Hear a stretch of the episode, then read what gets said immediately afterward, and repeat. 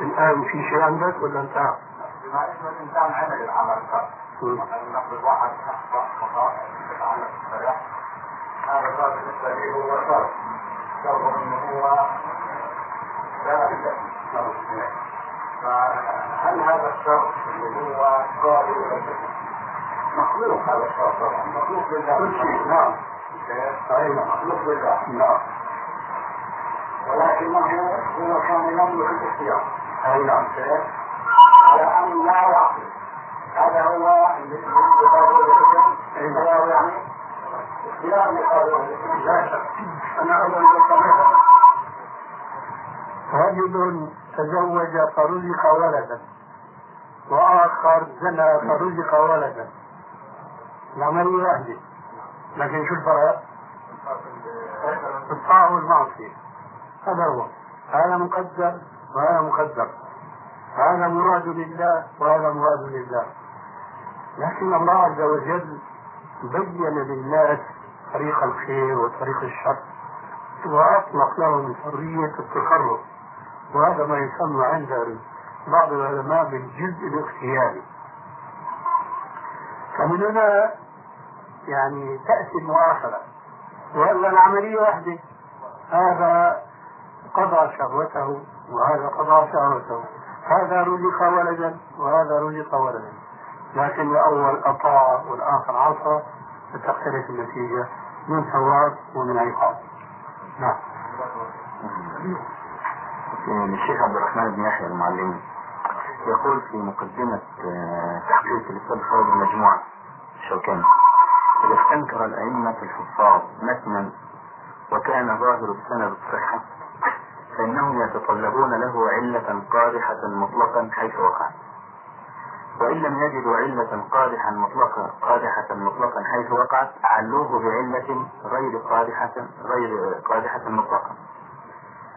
من ذلك أن يعل الحديث بأن راويه لم يصرح بالتحديث مع كونه غير مدلس.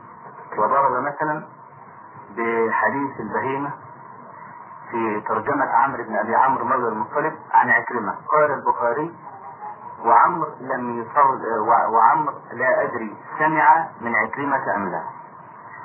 فهنا التوجيه هل يجوز لي إن وجدت المتن منكرا؟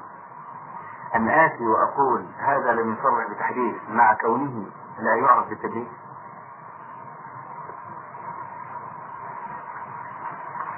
والشيخ عبد الرحمن ذكر تعليل هذه الحكاية؟ تذكرها يا شيخنا؟ قال وحجتهم في ذلك أنه إذا انقدح في ذهن الناقد أن المتن منكرا فإنه ينظر إلى أضعف مكان يمكن أن يدخل الخلل من جهته. فيلصقه به وإن لم يكن كذلك آه، يعني هذه الطريقة يمكن أن نستخدمها في أماكن أخرى. هذا كلام يشبه كلام من فيه كنتم دخلتوا نفسه ولعله أيضا أشير آنفا إلى وعليكم السلام ورحمة الله وبركاته. أشير أيضا إليه آنفا فيما إذا كان هناك حديث بقتادة عن أنس وعن أنس الأصل تسليك روايته إلا إذا كان هناك شيء يحملنا أن نعلله فلا نجد إلا إلا العنعنة هذا كلام سليم لكن هذا من الذي يستطيع أن يقوم به؟ الصعب هو الذين يمشون على ثمنهم. وألا فتح هذا الباب كثيرا جدا. نعم. يعني إذا يتهم الراوي بأنه سمع أو لم يسمع ما كان لم يصرح الحديث. هذا لا يجوز إلا لحفاظ الكبار فقط. وألا يضيق مجال الإعلان لمتن المنكر. نعم. نعم. أما مطلقا لا يجوز. لا يجوز. نعم.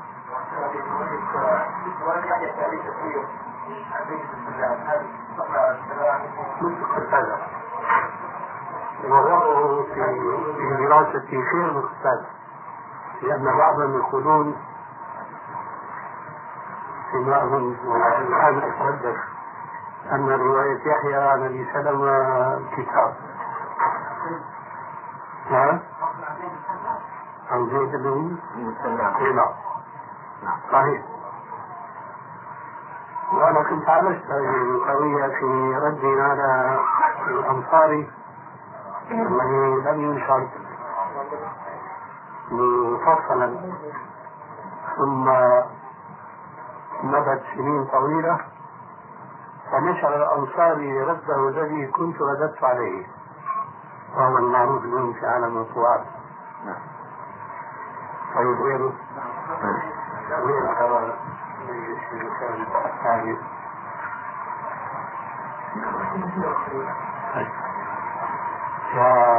فأخذنا أبو عبد الله أخذ زوجته ترك زوجته الموضوع في رواية بن كثير كان الرسول بن ابي حاتم يروي عن يحيى بن كثير انه ذهب يعني حتى مني ما عنده من الحديث عن زيد بن سلمان فقيل له سمعت هذه من فقال له لا إذا سمعتها عن رجل سمعت من زيد قال له لا فقال له يعني كيف تحدث مثل هذه الاحاديث قال لم تسمع الرجل سمع فقال أرأيتم لو أن رجلا كتب أحاديث عن رسول الله أحضر الزواج والقلم وكتب أحاديث عن رسول الله صلى الله عليه وسلم مثل هذه فهو يعني أن فهم العبارة أنه على حسن الظن يعني إيجاد هذه الأحاديث أنه يعني حديث صحيحة متنحى من سيد الله فقال عنه ولم يسمى الرجل الذي يعني ذكره الذي يستطيع ذلك هذا من الصراحة نعم. لكن لا شك ان الحكم الحكم الشرعي في مسائل ممكن يكون فيها خلاف لا يؤخذ من زاوية نظر شخص واحد من أئمة الحديث أنا بقول مشان منفع كلامي. يحيى بيتكلم عن نفسه فيما ذكر أبو حاتم. أنا أقول الآن هناك أحاديث كثيرة في الصحيحين فضلا عن غيرهما مروية من طريق يحيى بن كثير عن أبي سلمة. فماذا نقول؟ لابد من أن نقول أمرا من أمرين أو شيئا من شيئين. إما أن نقول إذا صح كلام أبي حاتم فيما رواه عن يحيى ابن أبي سلمة لازمه أن تكون روايات الصحيحين فضلا عن غيرها منقطعة. وإما أن نقول لا هذه الروايات ليست منقطعة لأن يحيى بن أبي كثير رجل ثقة. محتج به في الصحيحين. إذا تلك الرواية يمكن تكون ما هي الثابتة الآن يرد السؤال فيما تذكر. أنا أذكر أنه مر بي مثل هذه الرواية لكن السؤال الآن هل تذكر ولعلك حديث عاد بها أن أبا حاتم ذكر إسناده في هذه القصة إلى يحيى بن كثير؟ ودرست الإسناد؟ وابن خزيمة أيضا ذكر الإسناد في كتاب التوحيد وقال أخذنا عنه عن مسلم عنه مسلم؟ أخذ هذه القصة مسلم عن ابن خزيمة مسلمين كذا ما ذكر هي ليست موجودة في المقدمة نعم. لكن الأستاذ بالنسبة للكلام كله نقول إن يعني هذه التفسير روى الكتاب كان روى عن زيد ولا عن أبيه لأن الناس أربعة زيد ومعاوية وأبيه وليد نعم فمعاوية وأبوه معاوية أخو زيد معاوية وأبوه سبب السماح طبعا عن ذكره ده شكل مقيم بالطبع أقصد بالجد منصور يعني أما عن زيد هو اللي أنزل فيها الكلام عن الكلام عن هذا الرجل صحيح عن أنزل الله نفسه هو أبوه أم عن بن أحسن أنت عم تتكلم عن يحيى بن كثير. نعم. في رواية الصحيحين. في رواية عن هذا هذا الرواية الصحيحين عن زيد بن الله ولا عن أنزل الله اللي هو لقب الأمر في الرواية عن ثالثا ولكن يروي بدر ابو حاتم كتابه إن اخوانا يحيى كثير لمعاويه شهاده العباد قال له ما زال أبوك يجيئنا فيحدثنا وأصبح سمعنا الأصل. وتلقي نفسه السماع عن معاوية. لكن عن زيد لم أنا أختلف عليه الأمر الآن.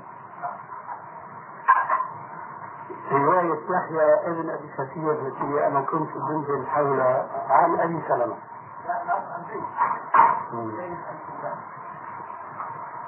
أنا قلت أن هذه الرواية موجودة في الصحيحين وغير الصحيحين. نعم. وعليكم السلام ورحمة الله. محسن عن زيد اللي هو ثلاثة برهان. يعني من كثير عن زيد. نعم. ابن القطان أعل الرواية بالانقطاع على كل حال الآن ما أصبح جوابا لأنه العهد بعيد. ويحتاج إلى استحضار النصوص ابن رسول اللي فيها الحكاية هذه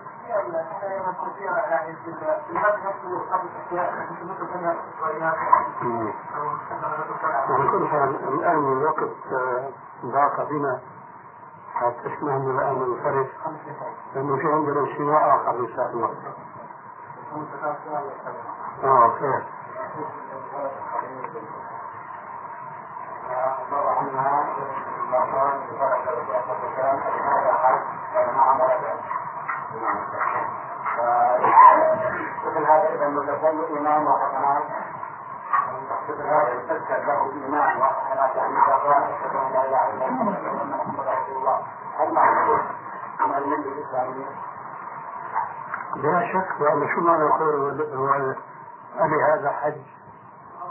اذا كان قائل مثل هذا قل هو الله احد أو كان هناك السلام عليكم له حسنات أي نعم يؤيد هذا أن هناك حديث أن الصبي إذا حج فله حج لكن إذا بلغ التكليف لابد من يعيد.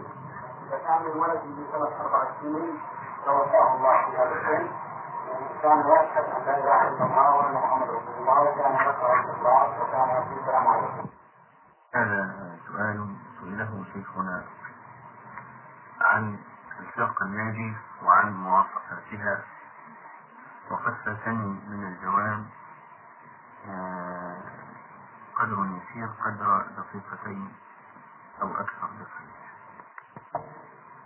قالوا من هي يا رسول الله؟ قال هي الجماعة. هذه الجماعة هي جماعة الرسول عليه السلام هي التي يمكن القطع بتطبيق الحديث السابق لا تجتمع أمتي على ضلالة أن المقصود في هذا الحديث. هم الصحابة الذين حكم الرسول عليه السلام بأنهم هي الفرقة الناجية ومن سلك سبيلهم ونحى نحوهم.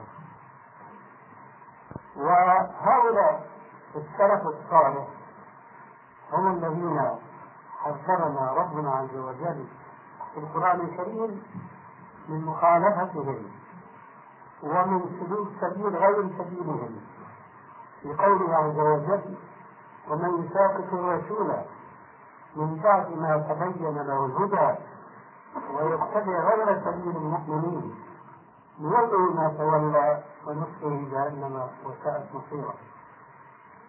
أنا لفت نظر إخواننا في كثير من المناسبات إلى حكمة عطف ربنا عز وجل قوله في هذه الآية ويتبع غير سبيل المؤمنين على مشاققة الرسول ما الحكمة من ذلك؟ مع أن الآية لو كانت بحذف هذه الجملة لو كانت كما يأتي ومن يشاقق الرسول من بعد ما تبين له الهدى ليدري ما تولى ونصره جهنم وساءت مصيرا لكانت كافية في التحذير وتأمين من مشاقة الرسول صلى الله عليه وسلم والحكم عليه بمصيره السيء لا تكن الآية هكذا وإنما أضافت إلى ذلك قوله عز وجل ويتبع غير سبيل المؤمنين. هل هذا عبث؟ حاشا لكلام الله عز وجل من العبث. إذا ما الغاية؟ ما الحكمة من عطف هذه الجملة؟ ويتبع غير سبيل المؤمنين على ميثاق الرسول؟ الحكمة في كلام الإمام الشافعي. حيث استدل بهذه الآية على الإجماع. أي من سلك غير سبيل الصحابة الذين هم العصمة في تعبير السابق وهم الجماعة التي شهد لها الرسول عليه السلام بأنها الفرقة الناجية ومن سلك سبيلهم هؤلاء هم الذين لا يجوز لمن كان يريد أن يرجو من عذاب الله يوم القيامة أن يخالف سبيله. يرحمك الله. ولذلك قال تعالى ومن يشاقق الرسول من بعد ما تبين له الهدى ويتبع غير سبيل المؤمنين نوله ما تولى ونفسه جهنم وساءت مصيرا إذا على المسلمين اليوم في آخر الزمان أن يعرفوا أمرين اثنين. أولا من هم المسلمين المذكورين في هذه الآية؟ ثم ما الحكمة في أن الله عز وجل أراد بها الصحابة الذين هم السلف الصالح ومن كان تبعهم قد سبق بيان جواب هذا السؤال أو هذه الحكمة وخلاصة ذلك أن الصحابة كانوا قريب عهد بتلقي الوحي ردا طريا من فم النبي صلى الله عليه وسلم. أولا ثم شاهدوا نبيه صلى الله عليه وسلم الذي عاش بين ظهرانيهم يطبق الأحكام المنصوصة عليها في القرآن. والتي جاء ذكر كثير منها في أقواله عليه الصلاة والسلام. رجل الخلاف آه لم يكن لهم هذا الفضل من سماع القرآن وأحاديث الرسول عليه السلام منه مباشرة ثم لم يكن له الفضل الاطلاع على تطبيق الرسول عليه السلام لنصوص الكتاب والسنة تطبيقا عمليا.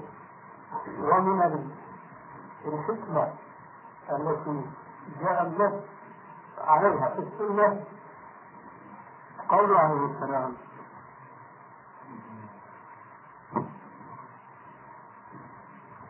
ليس الخبر كالمعاينة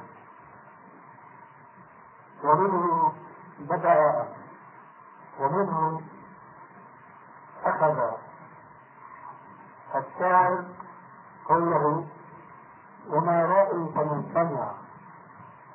أيضا الذين لم يشهدوا الرسول عليه السلام ليسوا كأصحابه الذين شاهدوا وسمعوا منه الكلام مباشرة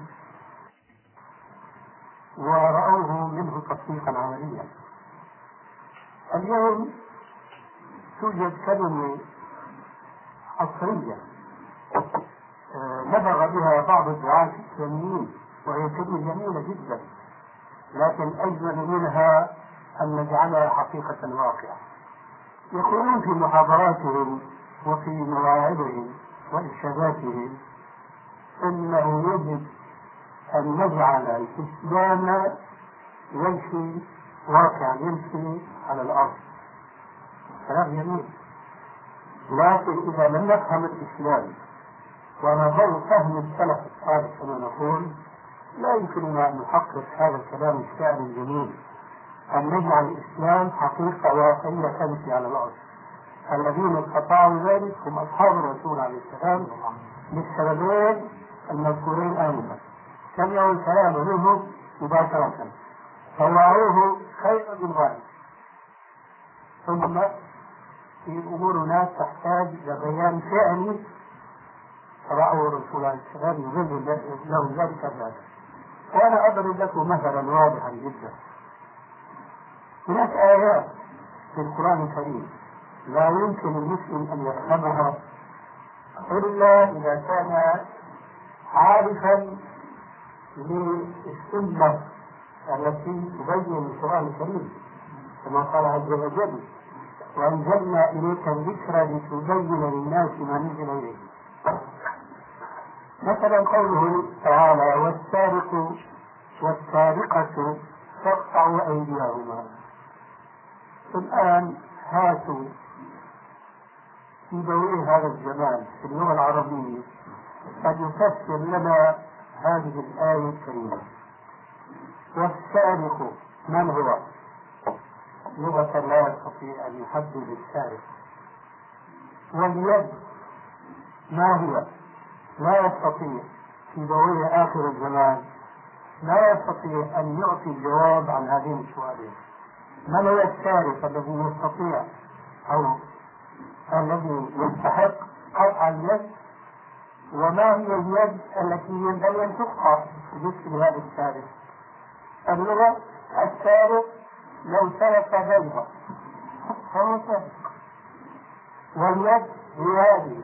لو قطعت هنا أو هنا أو في أي مكان فهي يد لكن الجواب هو في نتذكر الآية السابقة. وأنزلنا إليك الذكر لتبين للناس من المجرمين الجواب في البيان. فهناك بيان من الرسول عليه السلام للقرآن هذا البيان طبقه عليه السلام فعلا في خصوص هذه الآية كمثل وفي خصوص الآيات الأخرى. وما أكثرها. لأن من قرأ علم الأصول يقرأ في علم الأصول أن هناك عام وخاص ومطلق ومقيد وناسب ومنسوخ كلمات مجمل يدخل تحت عشرات النصوص. إن لم يكن مئات النصوص. نصوص عامة. قيدتها السنة ولا أريد أن في هذا حتى نستطيع أن نجيب عن بقية الأسئلة وإذا رفض الأهل أن تزور ابنتهم أختا لها في الله ومشتاق لها ودائما يرفضون هذه الزيارة. أيسمح لها الإسلام بأن تخرج بزيارتها دون إخبارهم بذلك؟ أم تقول لهم شيئا غير حقيقيا لا يجوز أن تزورها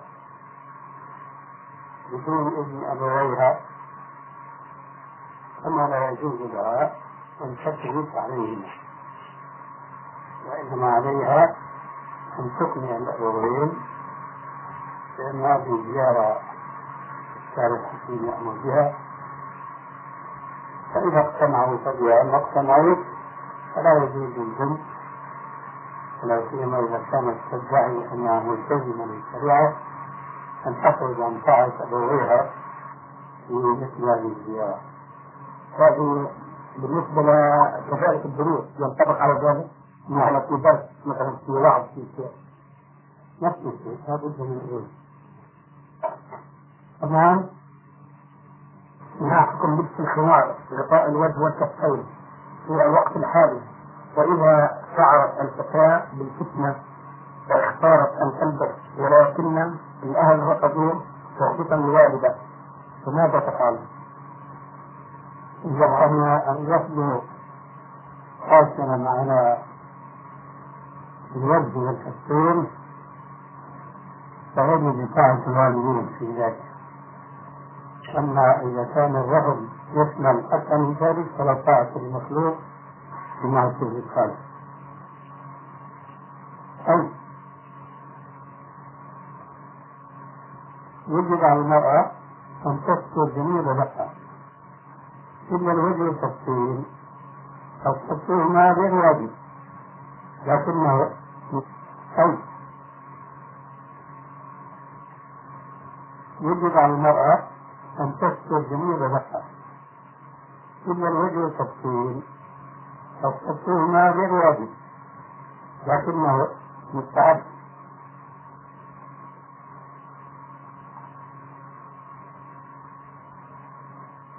فإذا لم يظهر والدان لابنتهما. أن تغسل وجهها وكفيها فلا مانع من إطاعتها لهم. ولا معصية في ذلك بخلاف ما إذا رغبوا منها أن تكشف عن غير وجه التخفيف فحينئذ لا طاعة لهما عليها لأنها ذلك معصية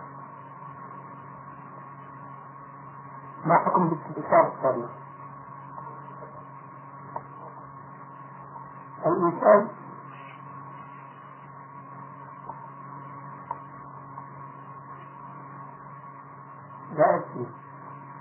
يجب أن يكون خمارا بحيث يستر جميع الرأس والنحر.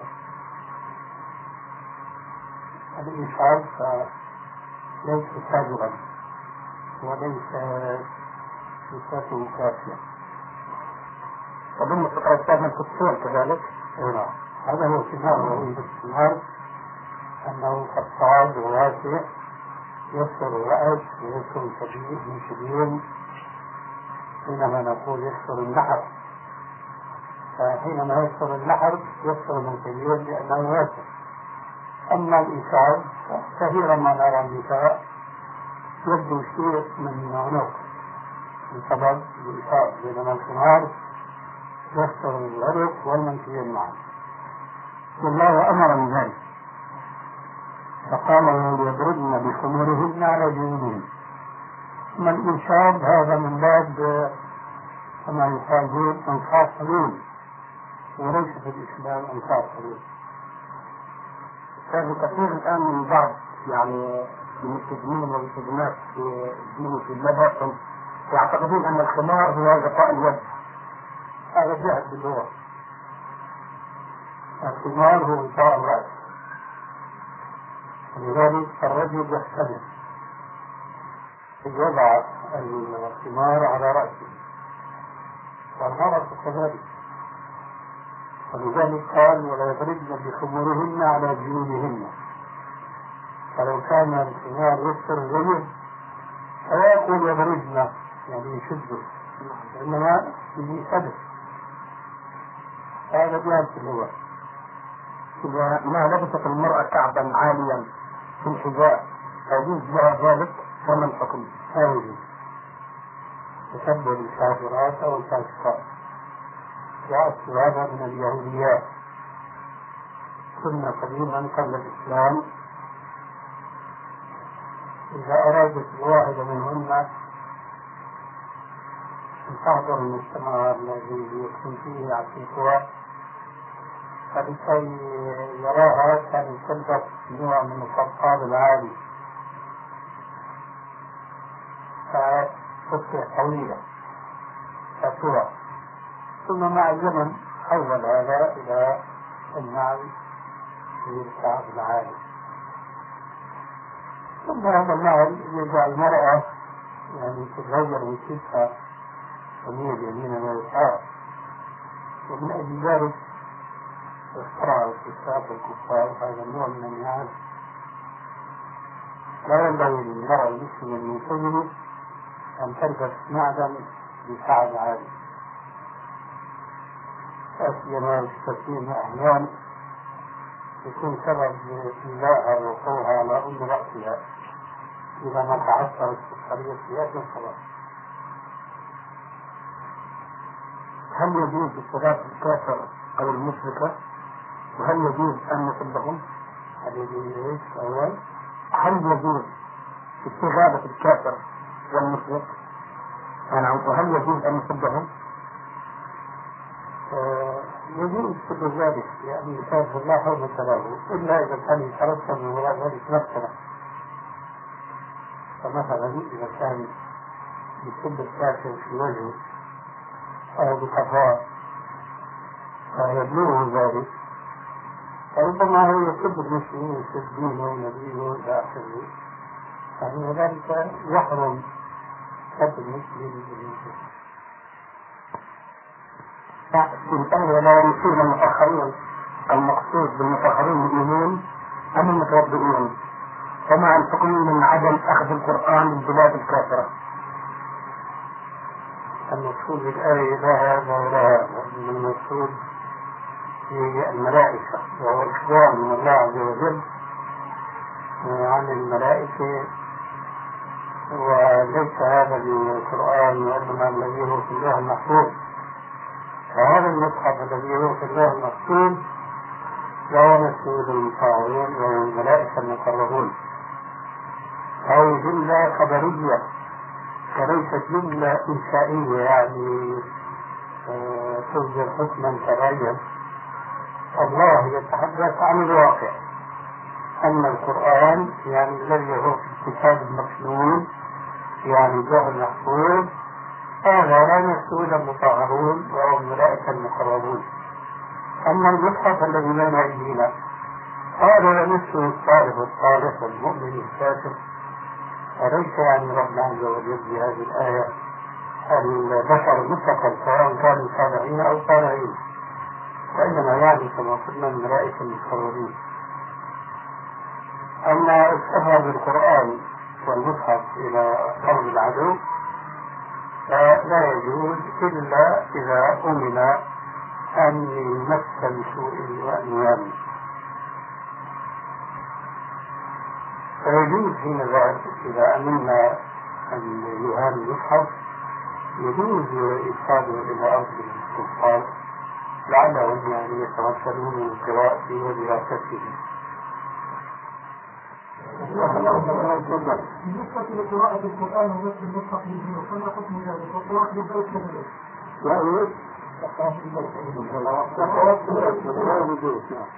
بس المصحف وقراءة القرآن يعني لا يجوز من آية ولا مثلا التبرك أو خوف متعمد ولا نفس المصحف ويقرأ نعم فما حكم ذلك كذلك؟ أفيدونا أثابكم الله. يصلى في اليمين يقول فقط أن ذكر الله تبارك وتعالى لم يتمسكه ولا يحرمته ولذلك فمن المهم عليه بين علماء المسلمين أن قراءة القرآن على طهارة كاملة هو الأفضل وهو اللائق بعظمة كلام الله عز وجل وإذا كان صح عن النبي صلى الله عليه وسلم أنه أبى أن يتلقى اسم من أسماء الله عز وجل كما وهو السلام إلا على طهارة في الحديث المعروف في السنن ومتبعه وغيره أن رجلا سلم على النبي صلى الله عليه وسلم وما كان منه عليه السلام إلا أن بادر إلى الجبال وتيمم وعبد السلام وقال إني كرهت أن أذكر الله إلا على طهر أن يذكر الله لأن السلام سبب أسماء الله كما جاء أيضا في الحديث الصحيح في كتاب الأدب المفرد من البخاري من حديث عبد الله بن مسعود قال قال رسول الله صلى الله عليه وسلم السلام اسم من أسماء الله وضعه في الأرض فاكثره بينكم السلام اسم من أسماء الله وضعه في الأرض فاكثره بينكم هذا السلام كره الرسول عليه الصلاة والسلام ان يرده على من سلم عليه إلا على طهارة القرآن وهو غير طاهر سواء الطهارة الصغرى أو الكبرى لعدم وجود دليل يحرم على المسلم أن يقرأ القرآن وهو على غير طهارة لكن هذا الحديث فيه حد واضح جدا على أن يقرأ القرآن وهو على طهارة كاملة لكن هنا شيء هذا الحكم وهو الأنسب الشرط الأسلم الثالث لا يستطيع كل مكلف من المسلمين. إلا بالله فقط أما النساء فالتارة وتارة وأيضا سمعتم قول الرسول عليه السلام السيدة عائشة في حالة قال لها اسمعي واسمع الحال غير أن تقيتي ولا تصلي قال إذا ليس لها توضأ أنت من كل رجل لأنها لا تستطيع شرعا أن تتوضأ. لا تستطيع شرعا أن تتطهر فلذلك فلها أن تقرأ ما شاء في القرآن بدون نقول موضوع رابط كما نقول بالنسبة لرجل غير مثلا. نقول عليه أن يكتب لأنه يستطيع أن يكتب وبذلك يتطهر سنكون أفضل لك أن تتوضأ أما المرأة الحائض أما المرأة المتشاء التي قد يولي عليها في بعض الأحيان أو في جنس من أجناس النساء أربعين يوما أو أكثر وهي في النفاق فالنساء لا تقبل ليس عندنا دليل يمنع المسلم هامة رجالا فضلا النساء يمنعهم من قراءة القرآن إلا على طهارة والحديث والحديث الذي رواه الترمذي في سنه من حديث ابن عمر رضي الله عنه قال قال رسول الله صلى الله عليه وسلم لا يقرأ القرآن حائض ولا جنب. هذا حديث منكر كما يقول الإمام السنة أحمد بن حنبل. لا يصح هذا الحديث. لو كان صحيحا وجب الانتهاء إليه.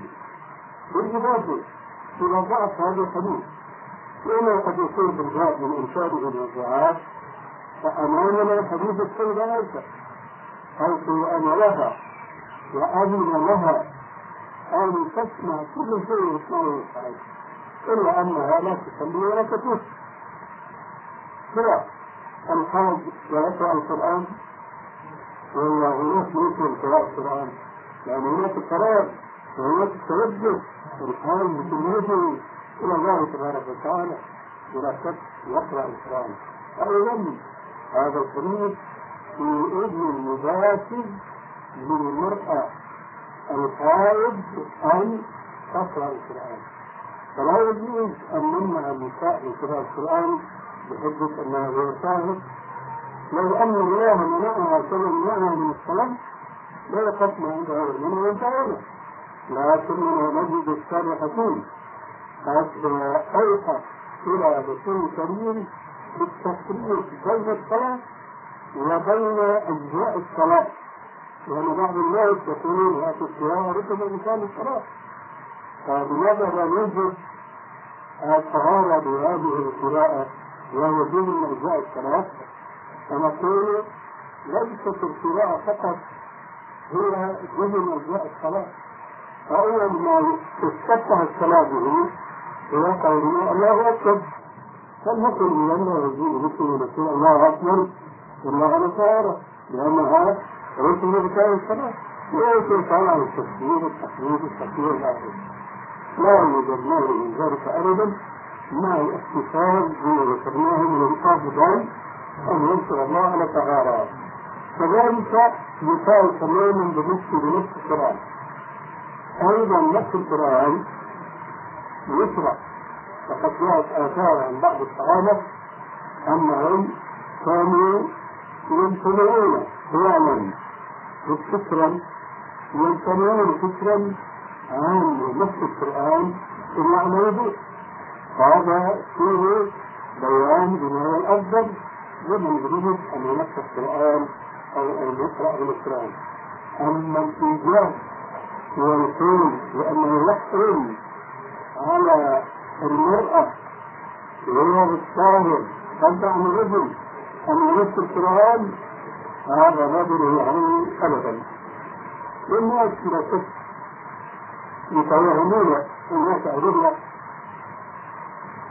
وليست من جديد إطلاقا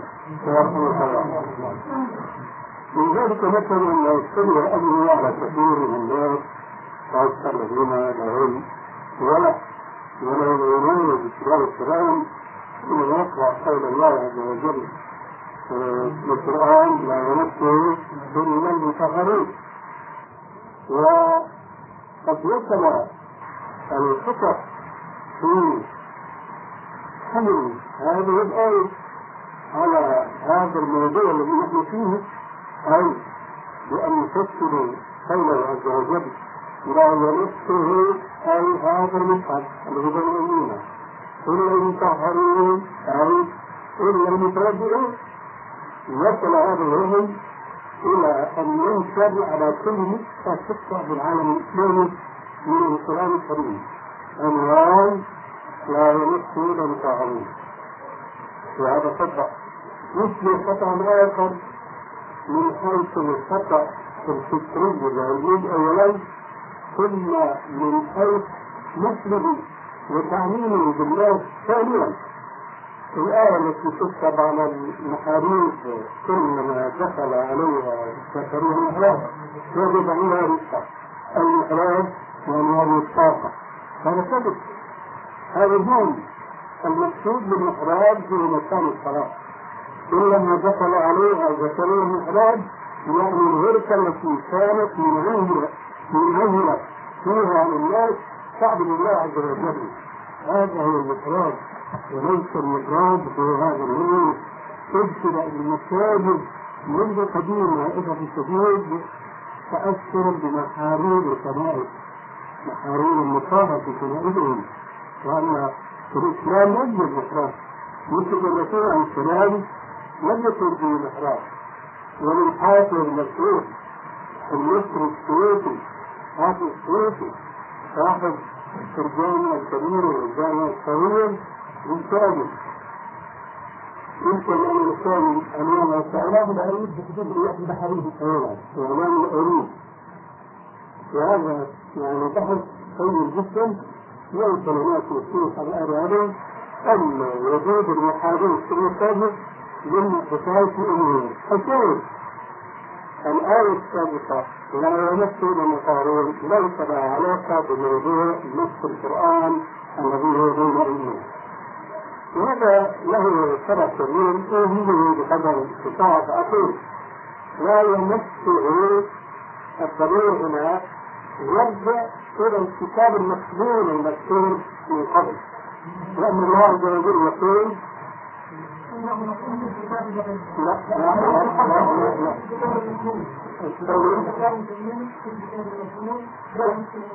لا لا